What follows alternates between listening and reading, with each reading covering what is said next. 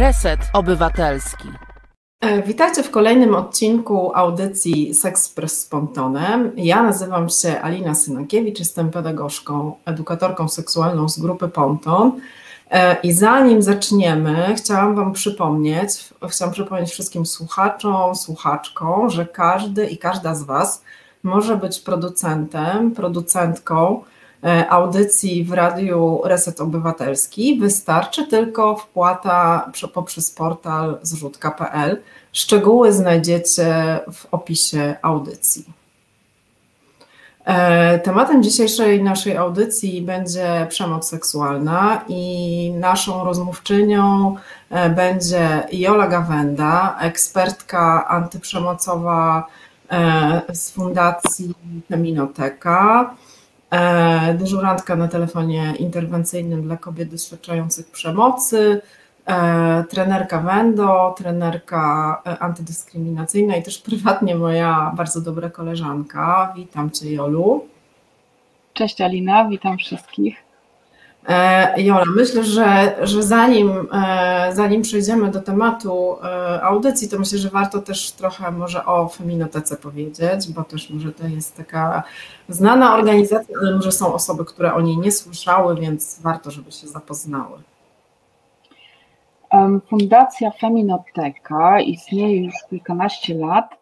Od samego początku jesteśmy organizacją oczywiście feministyczną, też trochę jak nazwa wskazuje od samego początku zajmujemy się równością płci, w tym przeciwdziałaniem przemocy ze względu na płeć wobec kobiet. E, od pewnego czasu też idziemy w taką specjalizację, głównie zajmujemy się przeciwdziałaniem przemocy seksualnej.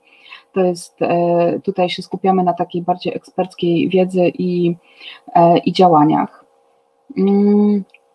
Głównym naszym, e, takim najbardziej widocznym, można powiedzieć, działaniem jest telefon e, przeciwprzemocowy, pod którym można uzyskać podstawową poradę, rozmowę wsparciową, ale też zapisać się bezpłatnie do prawniczki czy psycholożki.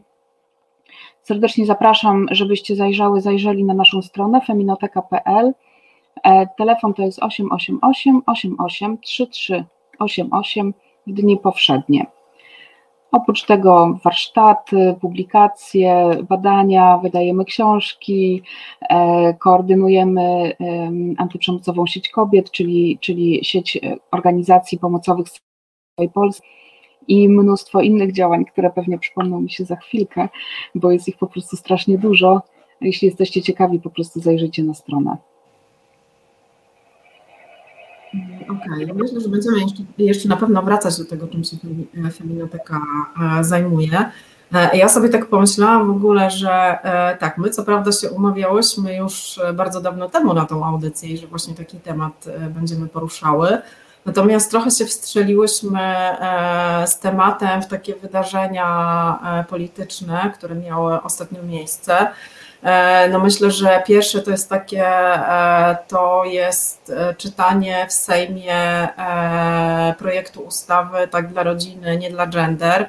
To myślę, że to jest projekt, który spędza sens powiek organizacjom czy instytucjom zajmującym się przeciwdziałaniem przemocy, w tym przemocy domowej, dlatego że ten projekt jeżeli wejdzie w życie, to ułatwi wyjście Polski, e, czy wypowiedzenie przez Polskę e, konwencji stambulskiej, czyli takiego międzynarodowego dokumentu, który ma chronić e, kobiety przed przemocą i zapobiegać przemocy domowej.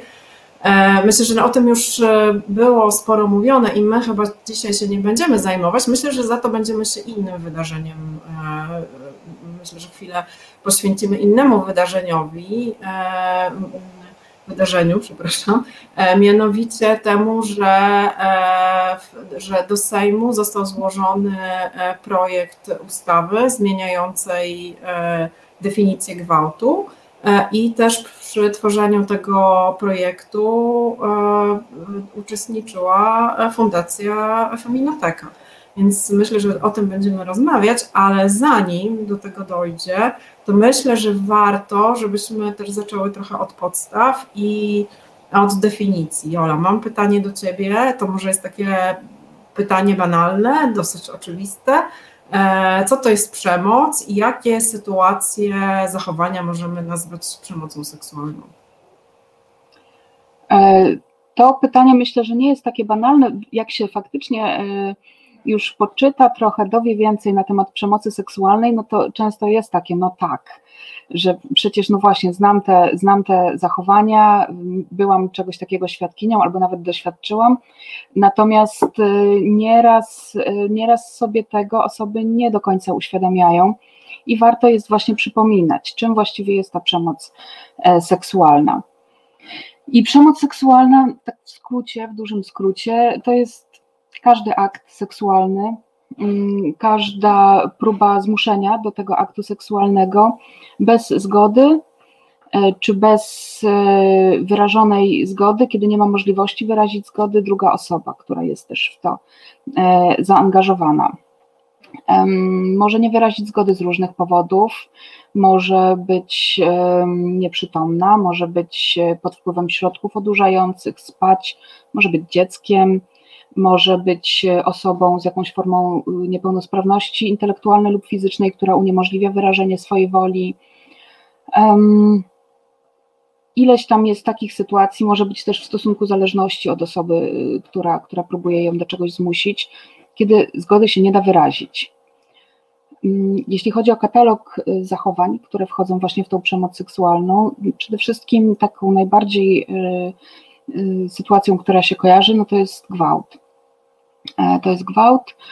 Mm, oprócz tego najróżniejsze formy zmuszania do kontaktu fizycznego, w tym też takie jak e, wchodzące w zakres molestowania mm, seksualnego, czyli na przykład klepanie, dotykanie, szczypanie, e, popychanie, wszystkie te rzeczy właśnie w tym kontekście. Molestowaniem, przemocą seksualną będzie też cały szereg zachowań przykład werbalnych, niefizycznych czyli na przykład komentarze, propozycje, zaczepki o charakterze seksualnym, mm, również komentowanie czyjegoś życia seksualnego, niezależnie od tego, te wszystkie sytuacje też, co jest istotne, mogą się wydarzyć wszędzie, nie tylko w przestrzeni publicznej i e, od obcej osoby, ale też na przykład e, od osoby, z którą jesteśmy w relacji, albo w domu czy w pracy. Mhm. Ja tutaj e, e, ten chciałam przy okazji powitać wszystkich, e, wszystkie osoby komentujące i też zapraszam do komentowania, zadawania pytań. I, i nawet widzę, że już jakieś komentarze się, się pojawiły. Tutaj na przykład no tutaj są y, komentarz na przykład pana Bronisława, ciemnota wraca, a wraz z nią przemoc domowa jako doktryna. Panie wspieram, od listopada wiszą banery pod y, moim domem, a teraz kolejne i ja wspieram, jestem na Facebooku. To dziękujemy, dziękujemy też za takie y, miłe słowa i myślę, że to jest też bardzo ważne, że, e, że tak, że słuchają nas panowie i myślę, że o roli mężczyzn też we wspieraniu i też e, walczę e, z przemocą seksualną, będziemy jeszcze mówiły. A ja sobie tak pomyślałam, jak ty wymieniałaś te różne zachowania, e, które są przemocą seksualną, to, to myślę sobie, że warto do nich dodać też takie zachowania, które są związane z, mm, z nowoczesnymi technologiami komunikacyjnymi. Na przykład chodzi mi tutaj o sexting, czyli o taką sytuację, E, kiedy e, udostępniamy zdjęcie bądź filmik e, z, z osobą o charakterze seksualnym, erotycznym bez zgody tej osoby. I też taką, mm, takim rodzajem sextingu, o którym myślę, że ostatnio było głośno, to jest coś takiego jak revenge porn, czyli taka sytuacja, kiedy para nagrywa film e, podczas uprawiania seksu i jakby no, to podczas tego, to jakby obie osoby wyrażają zgodę na nagrywanie tego filmu. Natomiast po rozstaniu partner bądź partnerka, ale częściej partner umieszcza ten filmik e, ze swoją ex dziewczyną na jakimś portalu pornograficznym i ona, ona o tym się nie wie, dowiaduje się przypadkiem od, od, jakichś, od jakichś osób.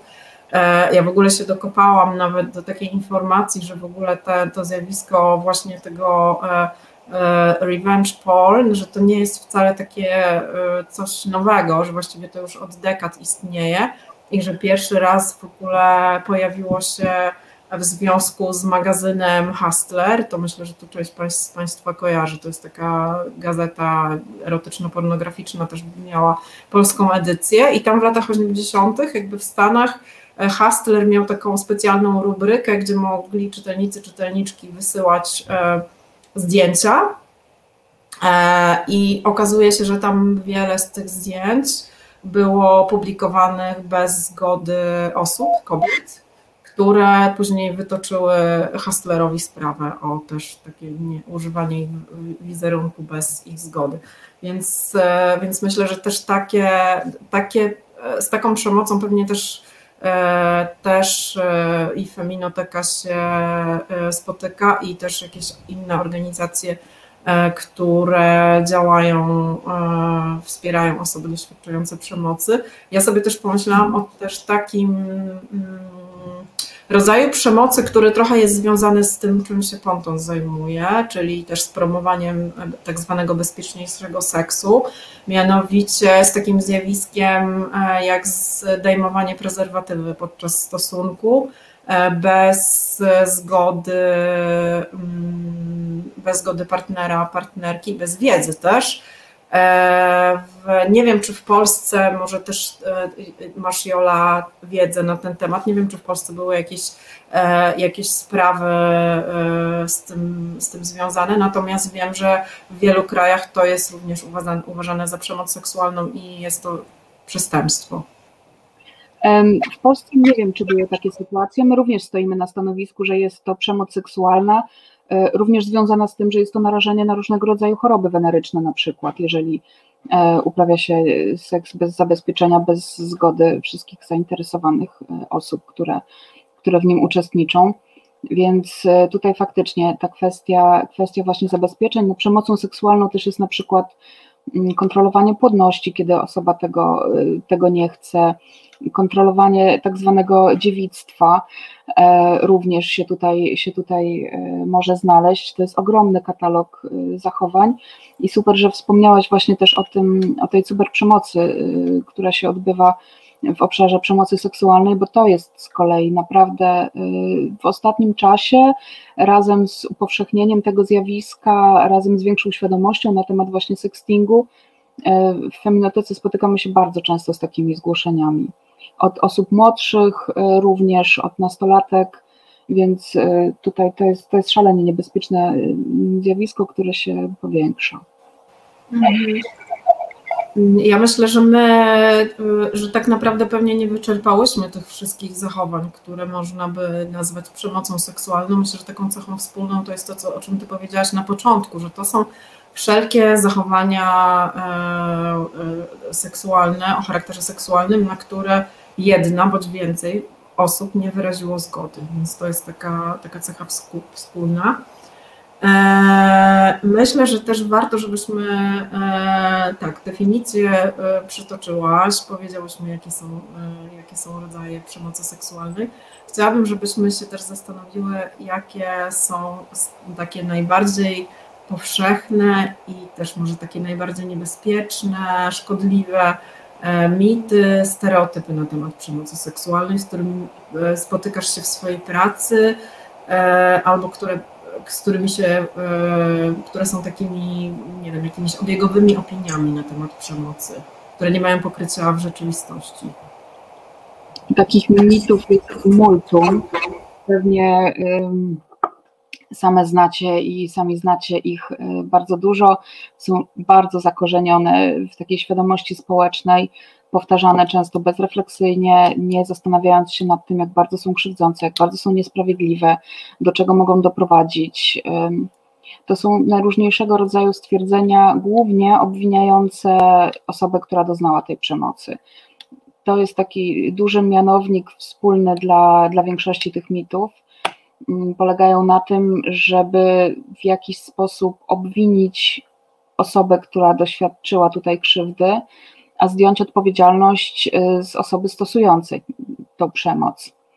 Mogą to być y, takie rzeczy, jak na przykład, y, że pewien rodzaj ubioru może sprowokować do, do przemocy seksualnej, czy ilość wypitego alkoholu, czy na przykład samo przebywanie w jakimś miejscu, które, które w powszechnej świadomości sprzyja, sprzyja e, przemocy seksualnej, zgwałceniu na przykład, co też, nie wiem czy jeszcze do tego wrócimy, ale to też e, jest absolutną nieprawdą, że, że są takie miejsca e, w przestrzeni publicznej, które są bardziej narażone na występowanie przemocy seksualnej.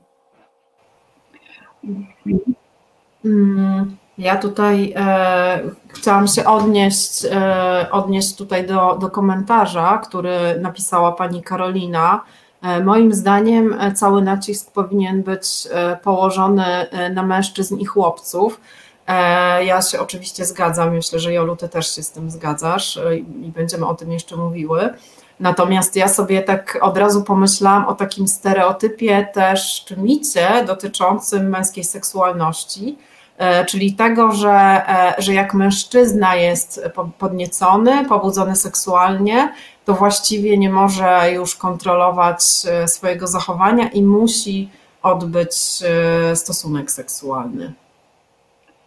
Tak, to jest szalenie krzywdzący stereotyp, również krzywdzący dla mężczyzn, ponieważ no, tutaj są przedstawieni jako takie postacie bez własnej woli, y, rządzone przez, y, nie wiem, czy hormony, odruchy, czy właśnie to wzmożone, wzmożony pęd seksualny, którego nie mogą w żaden sposób już zatrzymać. No jest to absolutna nieprawda i y, jasnym jest, że osoby w większości, no bo oczywiście wyobrażam sobie, że może być jakiś mały procent osób, które faktycznie nie mogą e, się powstrzymać i miejmy nadzieję, że osoby te szukają pomocy y, terapeutycznej czy farmakologicznej, e, że osoby w większości są w stanie się zatrzymać, nawet jeżeli e, sytuacja e, erotyczna jest w zaawansowanym momencie, to mogą się wycofać, powinny słuchać osoby, partnerki, partnera i, i reagować na jej komunikaty.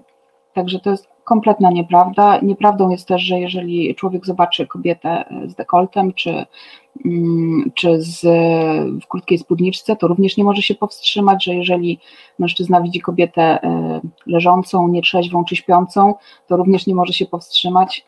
Nie, to nie jest prawda. Mm, ja myślę, że też e, e, takie sprawy o gwałt często pokazują, że jest zupełnie inaczej, bo sprawcy są zwykle przebiegli i oni na przykład wiedzą, gdzie, mm, e, gdzie na przykład dokonać gwałtu i tak dalej, tak żeby tego nikt nie widział, żeby ta sprawa jakoś nie wypłynęła i tak dalej, więc zupełnie tutaj byśmy nie powiedziały, że nie kontrolują swojego, swojego zachowania. Ja sobie też, ty wspomniałaś o, tych, o tym takim e, repertuarze takich e, mitów e, dotyczących tego, no właśnie, związanych z takim obwinianiem osoby, która doświadczyła tej przemocy seksualnej. Dotyczących jej ubioru, jakiegoś zachowania, mm, czy miejsc, do których chodzi i tak dalej.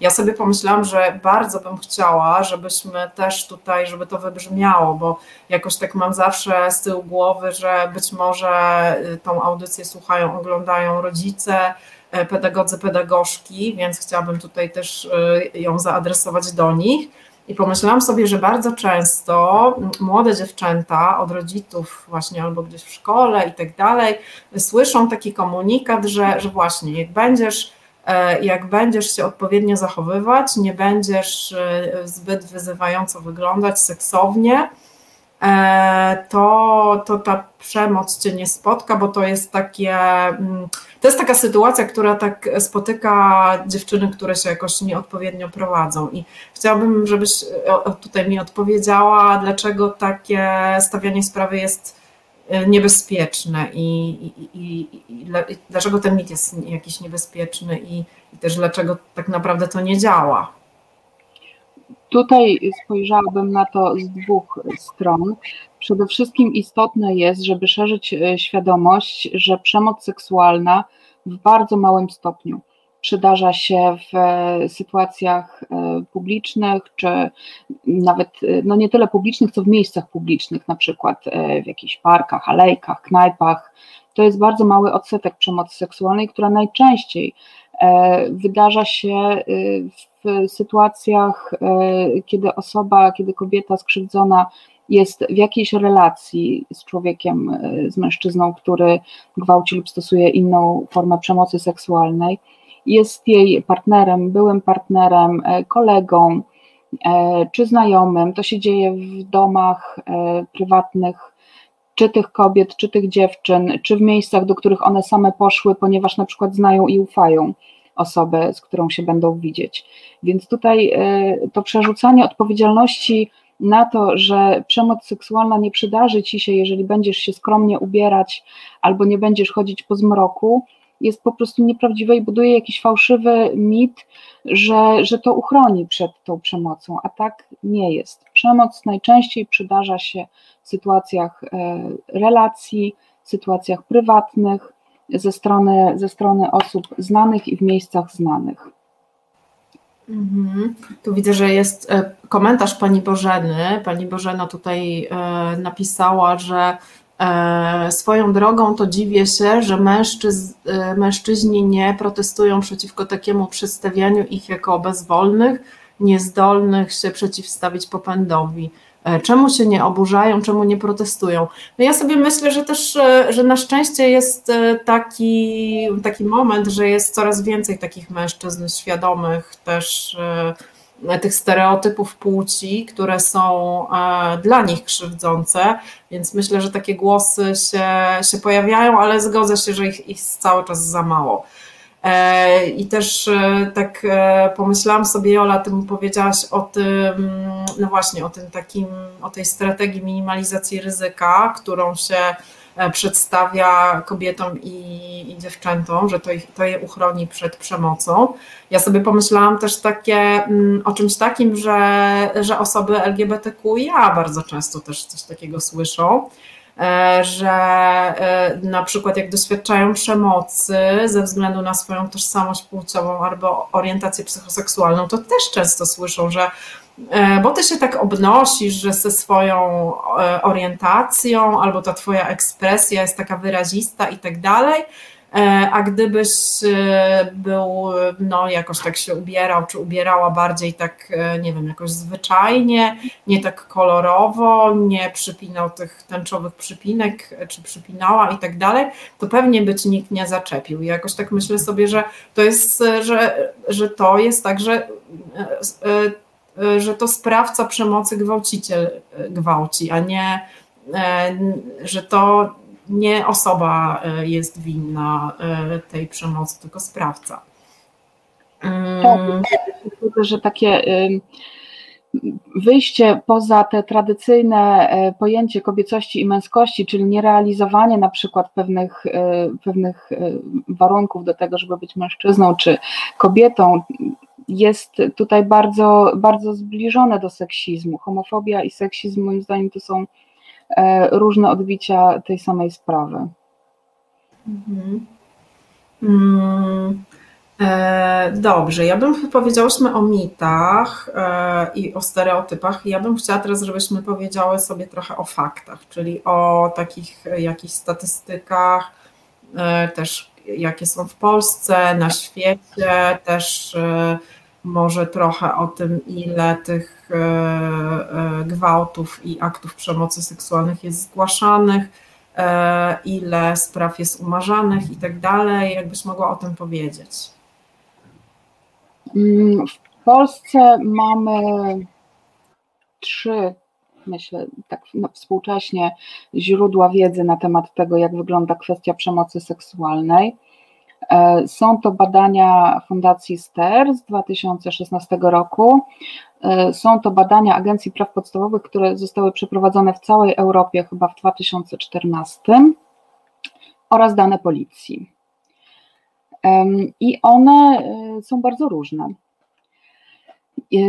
Jeśli chodzi o takie, które są najbardziej przerażające i którym bardzo ufam, e, też e, brałam i Alina, ty też brałaś udział w tworzeniu tego raportu właśnie steru e, Przełamać Tabu, to one mówią wprost, że większość kobiet w Polsce, praktycznie 90, niecałe 90% kobiet w Polsce doświadczyło jakiejś formy przemocy seksualnej. 20% E, doświadczyło gwałtu. Tam był bardzo szeroki, szeroki taki katalog tych e, zachowań, które myślę, że też e, dlatego też bardzo ufam temu raportowi, bo nie spojrzał na sprawę, na problem po łebkach. To były bardzo pogłębione pytania, mówiące o konkretnych zachowaniach. Także osoba, która na przykład nieraz nie nazwałaby swoich doświadczeń przemocą seksualną, nieraz w trakcie uświadamiała sobie, że to jest właśnie to że to jest właśnie ta sytuacja, więc e, tutaj um, uważam, że warto jest się zapoznać. Na, na stronie Fundacji STER znajdziecie do ściągnięcia.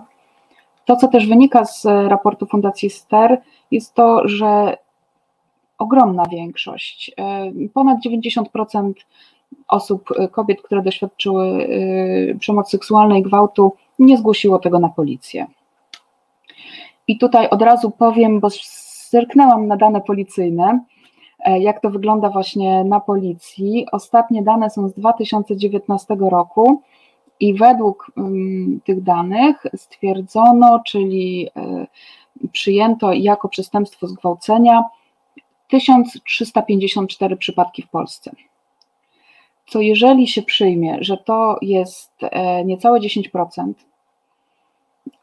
jest to po prostu porażające. Zresztą też badania międzynarodowe mówią, że, że E, czy w Stanach, czy w Wielkiej Brytanii zgłasza się na policję jedynie tam chyba 5 do 8% skrzywdzonych kobiet z przestępstwem zgwałcenia. Więc. E, mhm. E, wiesz co, ja, ja też e, pomyślałam sobie e, w ogóle o takiej książce, którą też Fundacja Feminoteka objęła matronatem, która niedawno się ukazała w wydawnictwie Marginesy. Nazywam się Moja historia Chanel Miller. To jest taka, być może część z Państwa też kojarzy tą sprawę, bo ona też była dyskutowana w polskich mediach kilka lat temu. E, autorka książki doświadczyła gwałtu i też e, walczyła o sprawiedliwość i walczyła o, mm, e, o to, żeby sprawca, no żeby ta, ta ręka sprawiedliwości sprawca dosięgnęła i żeby on poniósł konsekwencje swoich, swoich czynów. I ona też tam, myślę, że w ogóle dzisiaj będziemy też do tej książki wracać, bo ona jest naprawdę warta tego, żeby do niej sięgnąć. I ona tam e, opowiedziała o tym, że, że, dostała, że dostała taką ulotkę e, ze statystykami dotyczącymi gwałtów.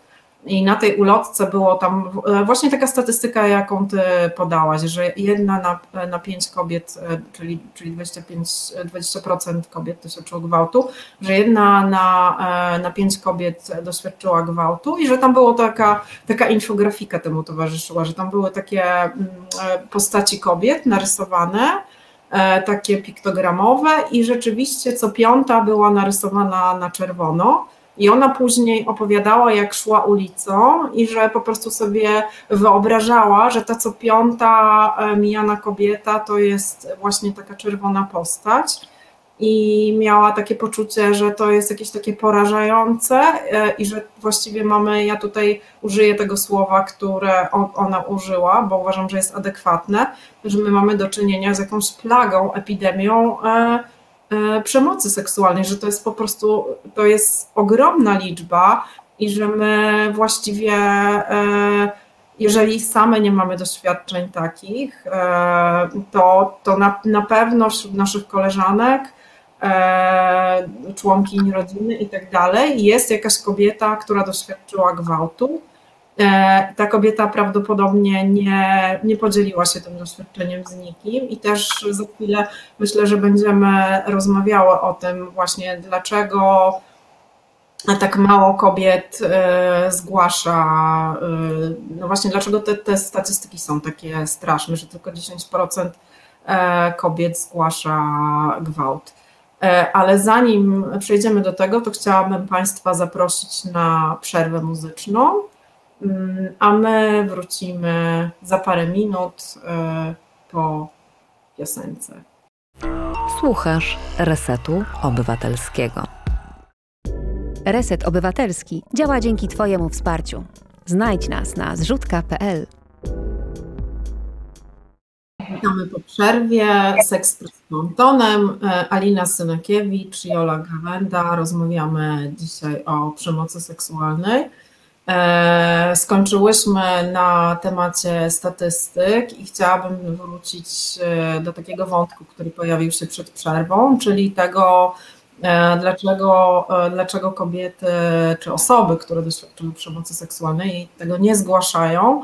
I to mi się wiąże z takim pojęciem jak wtórna wiktymizacja oraz victim blaming, czyli obwinianie ofiar. Trochę już o tym powiedziałaś wcześniej przy okazji omawiania mitów i stereotypów na temat przemocy seksualnej, ale myślę, że też warto, żebyśmy mm, tutaj jeszcze więcej na ten temat powiedziały, bo to jest myślę, że tutaj jest istotne i to wyjaśnia, dlaczego te statystyki są e, takie brutalne, dlaczego tylko 10% e, kobiet zgłasza gwałt.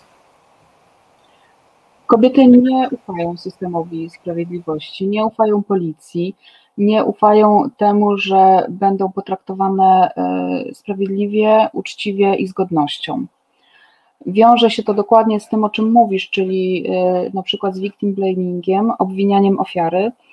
E, no jest to właśnie pokłosie tych bardzo utrwalonych mitów dotyczących tego, jak ofiara, wciąż często właśnie stosuje się to, to słowo, jak osoba, która doznała przemocy, y, wyglądała, czy piła alkohol, y, w jaki sposób się zachowywała, czy była wcześniej, y, czy flirtowała na przykład z osobą, która ją skrzywdziła. Te wszystkie pytania są zadawane na policji, chociaż powinno, nie powinny być. To jest tak, że to jest jedyne przestępstwo, którym osoby y, są odpytywane z takich osobistych rzeczy, czy też rzeczy w ogóle niezwiązanych z, ze zdarzeniem. Myślę, że to też, co blokuje osoby przed zgłaszaniem y, gwałtu czy przestępstw związanych w ogóle z, z przemocą seksualną, jest przekonanie, że, w, że przemoc seksualna nie zdarza się y, w rodzinach czy w związkach, że są pewne obowiązki czy powinności, które najczęściej kobiety są winne partnerowi i e, wymuszenie ich nie jest e, gwałtem, nie jest przestępstwem, podczas gdy jest. Z tego co e, wiem, że kobiety też bardzo odsuwa od myśli, żeby zgłosić przestępstwo, jest przekonanie, że to w zasadzie nic nie da jeżeli nawet y, jest już sprawa y, w toku, jest w sądzie, jest wyrok, bardzo często są to wyroki w zawieszeniu albo najniższe możliwe. Y, sądy w sposób bardzo często krzywdzący uzasadniają swoją decyzję, mówiąc, że tu też można by wrócić do tej książki Nazywam się, bo tam jest bardzo podobna sytuacja opisana E, mówiąc, że nie chcą e, niszczyć życia, łamać przyszłości osobom, które, które zgwałciły, które w jakiś sposób skrzywdziły, skrzywdziły swoich najczęściej bliskich, ale też innych. Myślę, że to są takie główne, główne powody, dla których kobiety po prostu nie zgłaszają się. Często też, e, pomimo że prawo gwarantuje im tylko jedno przesłuchanie, to się nie wydarza. Są wielokrotnie przesłuchiwane, zgłaszają się do nas takie osoby, E, piszemy skargi e, na działania policji czy prokuratury, no ale powtarza się, powtarza się taka sytuacja cały czas. Mm. Ja sobie tak pomyślałam, jak powiedziałaś o tym złamaniu kariery, to mi się taki przykład pierwszy z brzegu mm, e, nasunął.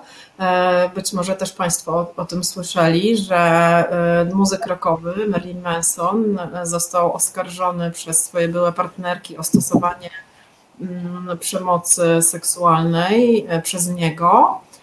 No, sprawa była jakoś, jakoś nagłośniona i w ogóle media huczały na ten temat. No, Marilyn Manson jest taką trochę upadającą gwiazdą, już ostatnio niczego nie takiego no, tak powiedzmy, nie wiem, interesującego nie wyprodukował, lata świetności ma za sobą i uwaga, okazało się, że, te, że wcale mu to kariery nie złapało, złamało, a wręcz okazuje się, że po jego, po tym jak te partnerki, one się po prostu też po latach, e, po latach, gdzie po prostu e, też borykały się z traumą i chodziły na terapię i tak dalej, i zdecydowały się po latach, odważyły się, żeby też o tym powiedzieć, to okazało się, że jemu to pomogło w karierze i e, wzrosła jest sprzedaż jego płyt, więc, e, więc tutaj zupełnie mm, często dzieje się, dzieje się odwrotnie. I rzeczywiście w tej książce, o której mówimy, Chanel Miller, ta, ten gwałciciel, e, też były takie głosy, że przecież on jest takim utalentowanym młodym pływakiem, i e, zdolnym uczniem i to jest osoba, która jest zawsze miła, mówi dzień dobry i staruszką, staruszki przeprowadza przez ulicę i to nie mógł być przecież gwałciciel, to jest, to nie on.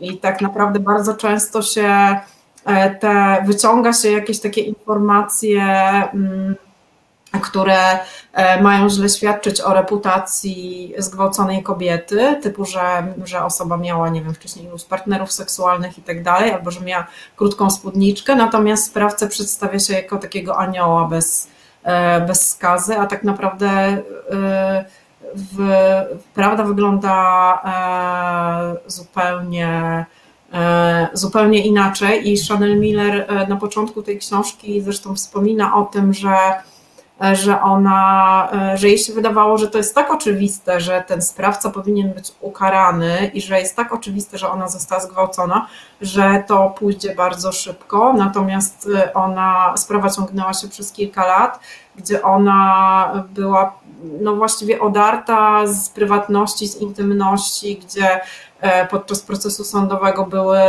jej zdjęcia e, półnagie prezentowane, bo to był dowód rzeczowy i tak dalej, więc, e, więc mierzyła się, no ona doświadczyła tej wtórnej wiktymizacji po prostu w 100%.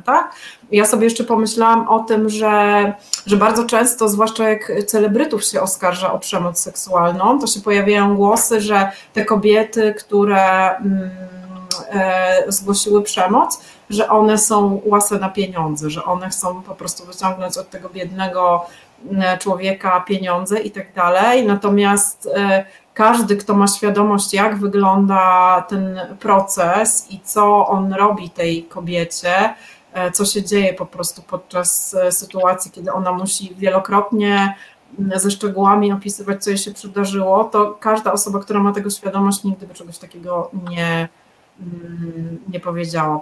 E, zobaczę, jakieś komentarze się nowe pojawiły. E, tutaj. E,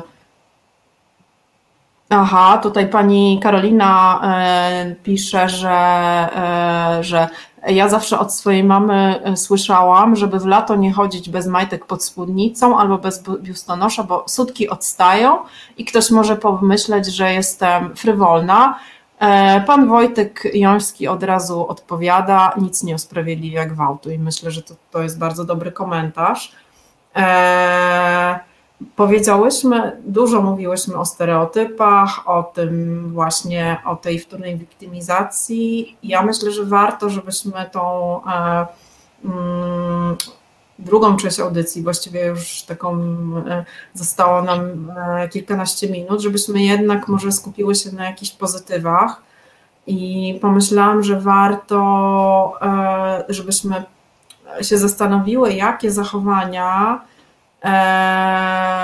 reakcje w stosunku do osób, które ujawniają przemoc, są porządku, są na miejscu, które są wspierające. I ja też znowu sobie e, pozwolę do książki się odnieść, bo naprawdę ja ją niedawno skończyłam czytać i tam naprawdę jest po prostu e, cytat za cytatem. Tam są takie po prostu obrazowe sytuacje opisane, których doświadczyła bohaterka. Ona miała taką sytuację, że mm, e, tak chciała sobie trochę uciec od, od tej traumy i zdecydowała się na wyjazd do innego stanu, żeby mm, podjąć studia na Wydziale Designu. No i e, było tak, że z zajęć wracała późno na piechotę do wynajmowanego mieszkania i tak się bardzo często zdarzało, że doświadczała zaczepek ze strony mężczyzn e, obcych, którzy jej proponowali seks. E, I to było na tyle częste, że ona, jakieś uciążliwe i nieprzyjemne, że ona po prostu już tak z takiej bezsilności zaczęła nagrywać tę sytuację i wysyłała swojemu chłopakowi. I ten chłopak e, po którymś takim kolejnym filmiku wysłanym jej powiedział: Słuchaj, wiesz co, e, no jakby te filmy są straszne, bardzo się stresuję, jak je oglądam, nie wysyłaj mi ich. I ona mu odpowiedziała: Słuchaj, jakby to nie jest kanał na YouTubie, który możesz przestać subskrybować, bo jest zbyt drastyczny. To jest moje, moje życie, ja tego doświadczam codziennie, ja muszę się z tym zmagać E, I ona, i on w odpowiedzi na to wynajął jej samochód, żeby ona z kierowcą, żeby ona mogła e, wracać e, samochodem po zajęciach do domu. No, mimo tego, wydawałoby się, że to jest rzeczywiście taki gest bardzo wspierający i tak dalej. No, i ona uważała, że to nie było pomocne. I jakby pytanie do ciebie, co, co było tutaj nie okej? Okay? Bo wydawałoby się, że on chciał dobrze. No, przede wszystkim to, co ona mu odpisała, czyli hej, tu nie chodzi o ciebie, tu chodzi o mnie, o mnie, o moje życie i o doświadczenie praktycznie wszystkich e, kobiet, które znam. E, to była taka reakcja, która mną bardzo poruszyła. E, tak przeniosła mm, ten punkt uwagi właśnie z tego, że, że tu nie chodzi o to, że tobie jest przykro, że twoja dziewczyna tego doświadcza. Zupełnie nie. Tu chodzi o to, że połowa świata doświadcza takich rzeczy, a ty należysz do drugiej połowy świata i co możesz zrobić?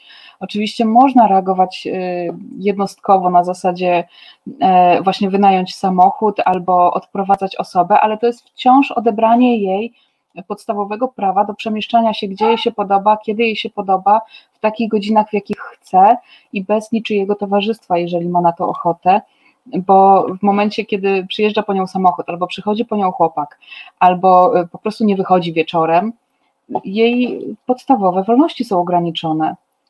Jeżeli zrobi to, wyjdzie jednak, nie skorzysta z podwózki, nie skorzysta z odprowadzenia, y, tak czy inaczej będzie narażona na te same sytuacje. E, e, myślę, że to jest ważne, żeby pamiętać, że sytuacja gwałtu to jest e, sytuacja utraty kontroli i ważne w takim procesie wracania do zdrowia psychicznego jest odzyskanie tej kontroli i poczucia sprawczości.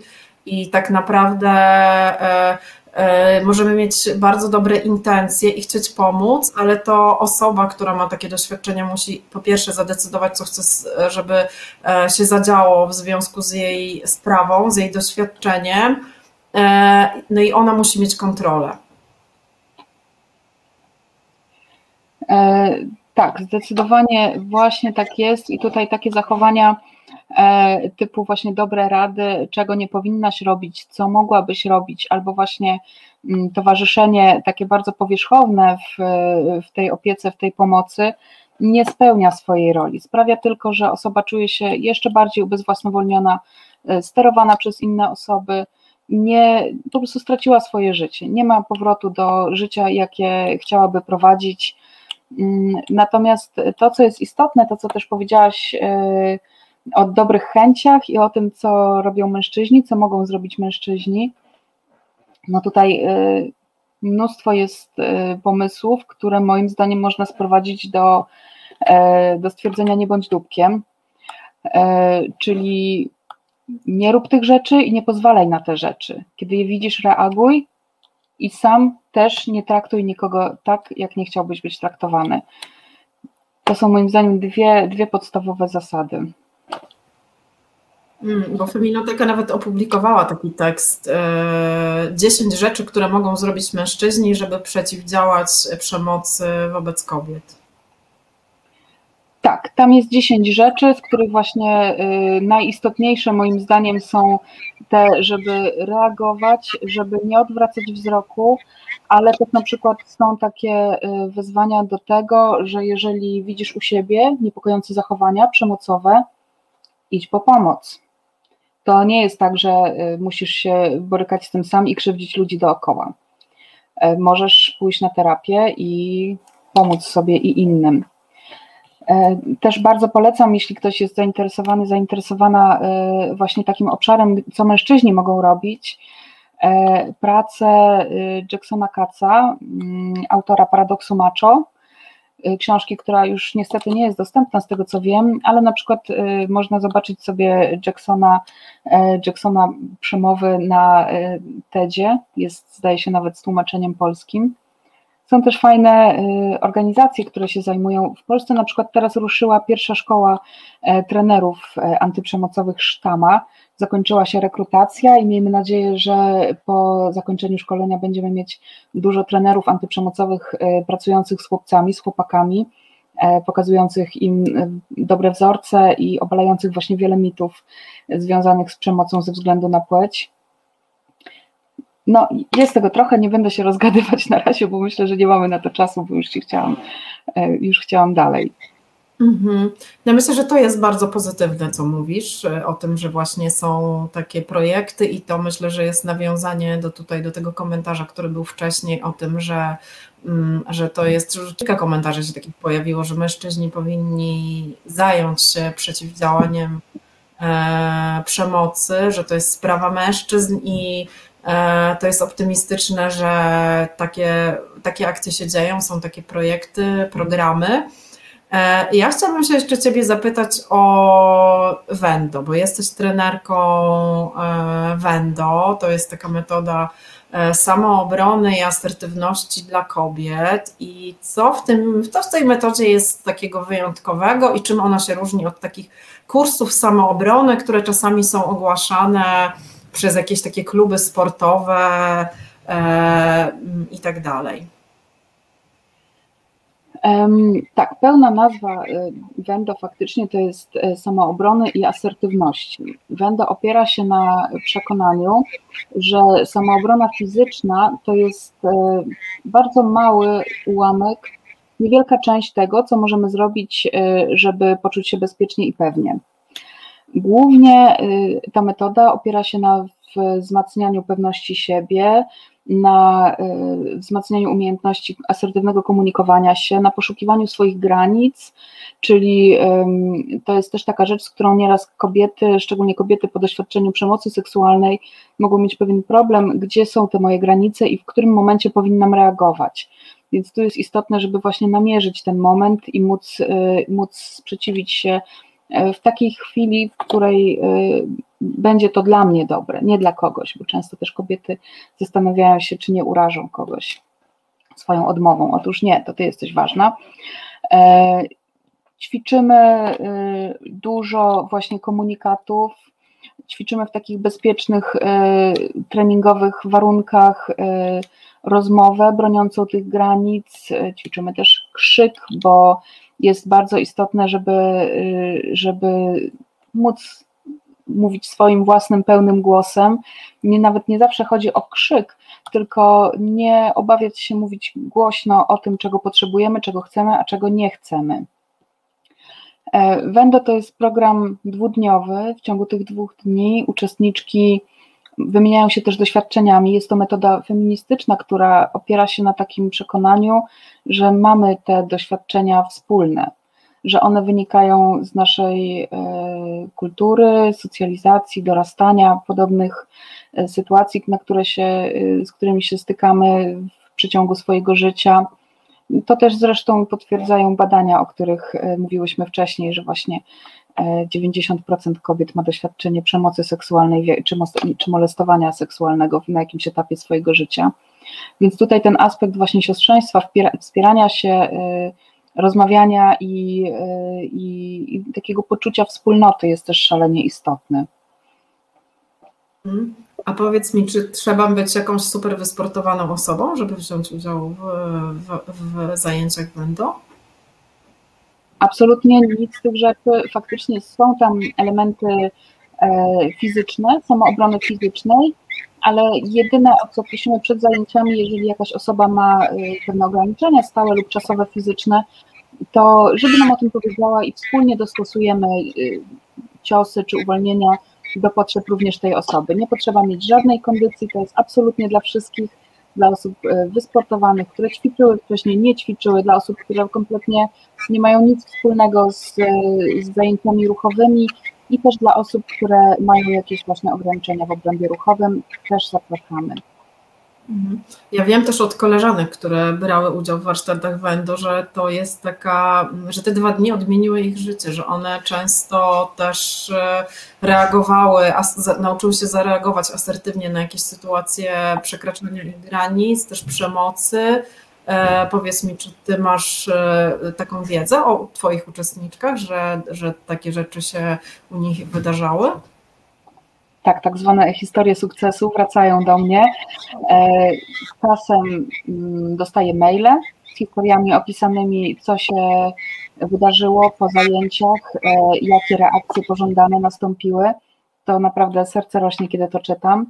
Nawet w małym stopniu zajęcie się właśnie sobą w tym obszarze swoich granic, samoobrony swoich granic może pomóc. E, jakiś czas temu byłyśmy z Feminoteką na Woodstocku i tam prowadziłam godzinny czy półtora godzinny program, e, który nazwałam Samoobrona, Głos i Postawa, czyli w jaki sposób obronić swoje granice tylko za pomocą postawy ciała i głosu. I później dostałam informację, że osoba, która uczestniczyła w tych zajęciach, na tym samym Woodstocku właśnie skutecznie obroniła się przed napaścią seksualną, używając metod, które, które poznała na, na zajęciach. Więc y, to jest y, dla mnie ogromna radość, że w wyniku tych warsztatów e, osoby mm, są w stanie skutecznie bronić się przed, e, przed przemocą i poprawiają jakość swojego życia. Też co jest istotne na temat Wendo, to to, że e, staramy się odchodzić od takiego podejścia, że jest trenerka i trenowane. Bardzo dużo jest wymiany doświadczeń. Osoby też czasami mm, w wyniku wspólnych rozmów same dochodzą do tego, co jest dla nich najlepsze, jakie reakcje będą dla nich słuszne, dzielą się tym. E, uczestniczki przyjmują wiedzę też od dziewczyn w tej samej, w podobnej sytuacji czy z podobnymi doświadczeniami. Ja też się cały czas uczę od uczestniczek, więc e, to jest naprawdę metoda, która no, zmienia życie faktycznie. Mm, a powiedz mi, jak się, jak się zapisać na Wendo albo jak zorganizować e, warsztaty Wendo w swoim mieście? Bo myślę, że tutaj e, co prawda mamy teraz obostrzenia związane z pandemią, no ale kiedyś to się mam nadzieję skończy, więc myślę, że tu być może są osoby, które chciałyby takie zajęcia zorganizować e, w swoim mieście i jak się do tego zabrać?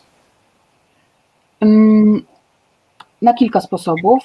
Można to zrobić poprzez Feminotekę, odezwać się na przykład do mnie, do Joli Gawędy.